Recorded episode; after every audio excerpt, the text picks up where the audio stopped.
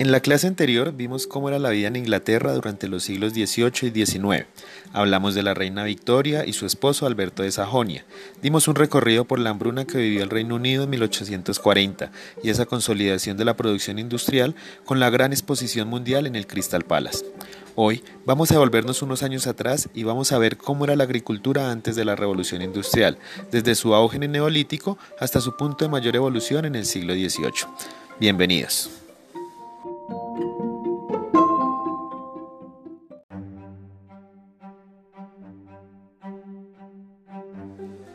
La revolución agraria en Gran Bretaña siglo XVIII.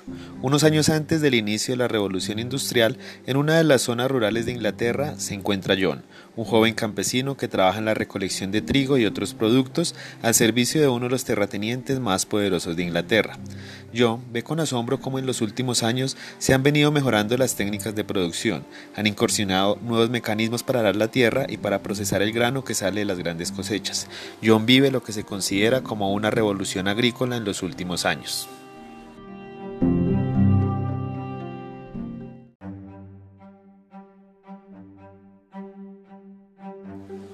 Pero quizás lo que más sorprendía a John y a los demás campesinos era la rotación de cultivos, una técnica que se había implementado en Inglaterra y que les había permitido a los agricultores aprovechar muy bien el terreno y alternar los productos que allí se sembraban.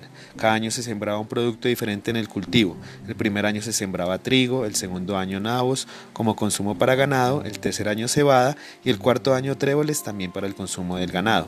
Y así iban alternando los productos y la tierra estaba produciendo constantemente. Esto ayudó a que creciera la producción agraria y los terratenientes ampliaran su riqueza.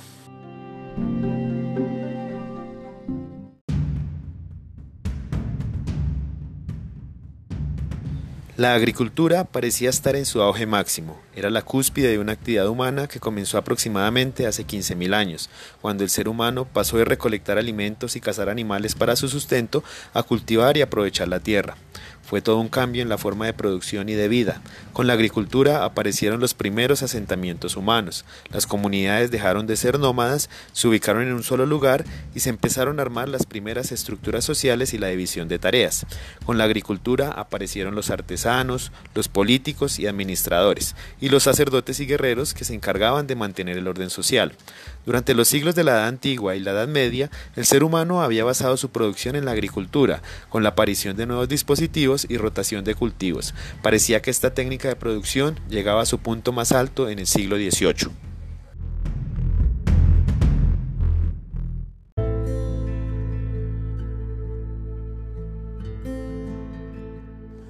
Sin embargo, John, ese campesino británico, veía con temor cómo el poder del terrateniente iba creciendo y la rotación de cultivos alargaba sus jornadas de trabajo y no le garantizaba los suficientes ingresos económicos.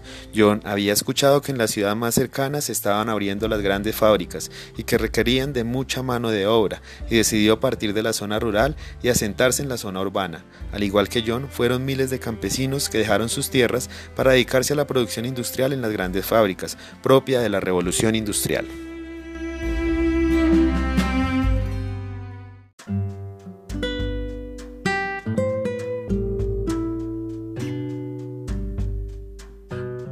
Cuando la producción agraria llegó a su punto más alto, apareció la revolución industrial, un contraste entre dos modelos que enfrentaría a terratenientes que defendían la agricultura y a los nuevos capitalistas, dueños de las fábricas, que defendían esa nueva forma de generar riqueza, basada en la producción con máquinas y el comercio de los productos. Ese conflicto no se daría solamente en el plano político, sino que tendría lugar en la economía con el contraste entre las corrientes del pensamiento económico del siglo XVIII, que defendían uno y otro modelo y cuyas diferencias veremos en las próximas clases. Feliz tarde.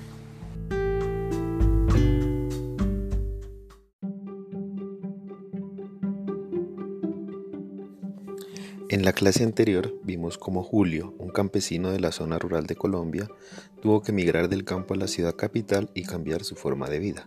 Julio era producto de ese mal juego del destino propiciado por la violencia, que lo puso en medio de una guerra y lo obligó a salir de su tierra, llegar a la ciudad bajo precarias condiciones económicas. Pero la migración no es un asunto exclusivo de Colombia o de los países pobres.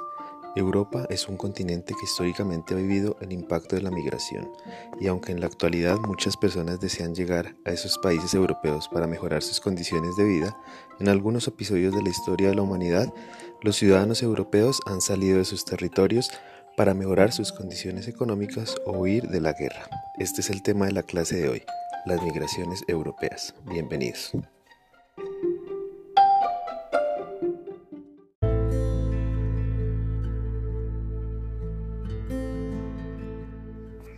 David era un joven argentino que a sus 20 años quiere conocer más sobre sus orígenes.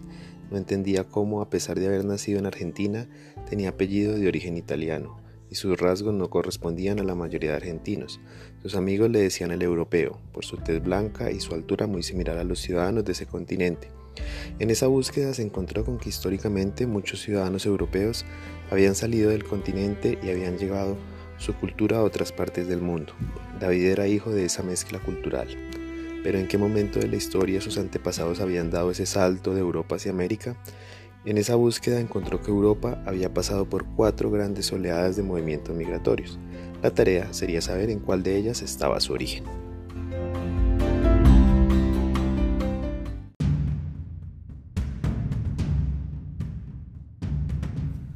La primera oleada de migrantes tiene su origen en la conquista y colonización de América, que comenzó en 1492 con la llegada de los españoles al territorio americano. Con este episodio comenzó una oleada de ciudadanos europeos que emigraron de Europa a América con el fin de apropiarse de las riquezas que había en este continente y apoderarse de los territorios que le pertenecían a los pueblos originarios. Por más de tres siglos, los europeos colonizaron América e implantaron su religión, idioma y prácticas culturales. El segundo movimiento migratorio está relacionado con la revolución industrial en el siglo XVIII. La invención de las máquinas y la industrialización de la producción provocaron una migración masiva de pobladores de las zonas rurales que se dedicaban a la agricultura a las zonas urbanas en las nacientes fábricas bajo precarias condiciones laborales y de vida. Estas personas se ubicaron en la periferia de las ciudades. A pesar de tener un trabajo, vivían en extrema pobreza y en su mayoría morían antes de cumplir los 40 años. Para la época, los campos se quedaban solos y las ciudades se sobrepoblaban cada vez más. En el siglo XIX, Europa vivió dos grandes oleadas migratorias. La primera está relacionada con el imperialismo europeo. Con la revolución industrial vino la necesidad de buscar materias primas y mercados donde pudieran comercializar sus productos. Fue así como Europa centró su objetivo en colonizar los territorios de África, apropiarse de las materias primas y de la mano de obra de este continente con muchos recursos minerales y naturales que fueron aprovechados por Europa. Muchos ciudadanos de este continente migraron y poblaron los países africanos, estableciendo allí su residencia, idioma y prácticas culturales. Sin embargo, David aún no lograba saber cómo se había dado esa mezcla cultural de la que era originario. Su búsqueda lo llevó a conocer la oleada migratoria de finales del siglo XIX y comienzos del XX. Supo que muchos ciudadanos europeos, en especial italianos, habían huido de Europa y se habían instalado en Sudamérica, con el fin de mejorar sus condiciones de vida. Y gracias al relato de un familiar descubrió que su bisabuelo era uno de esos ciudadanos europeos que emigró y tuvo que huir de Italia durante la Primera Guerra Mundial. Habría llegado a Argentina y allí habría conocido a su bisabuela, con quien formaría una familia de la que él era descendiente.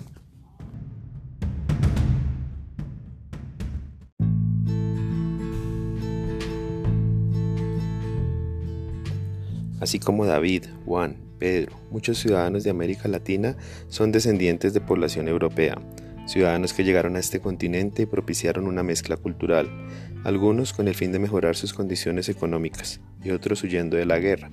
Con este último movimiento migratorio de inicios del siglo XX entramos a la Primera Guerra Mundial, un conflicto bélico que causó migración de miles de ciudadanos y del cual hablaremos la próxima clase.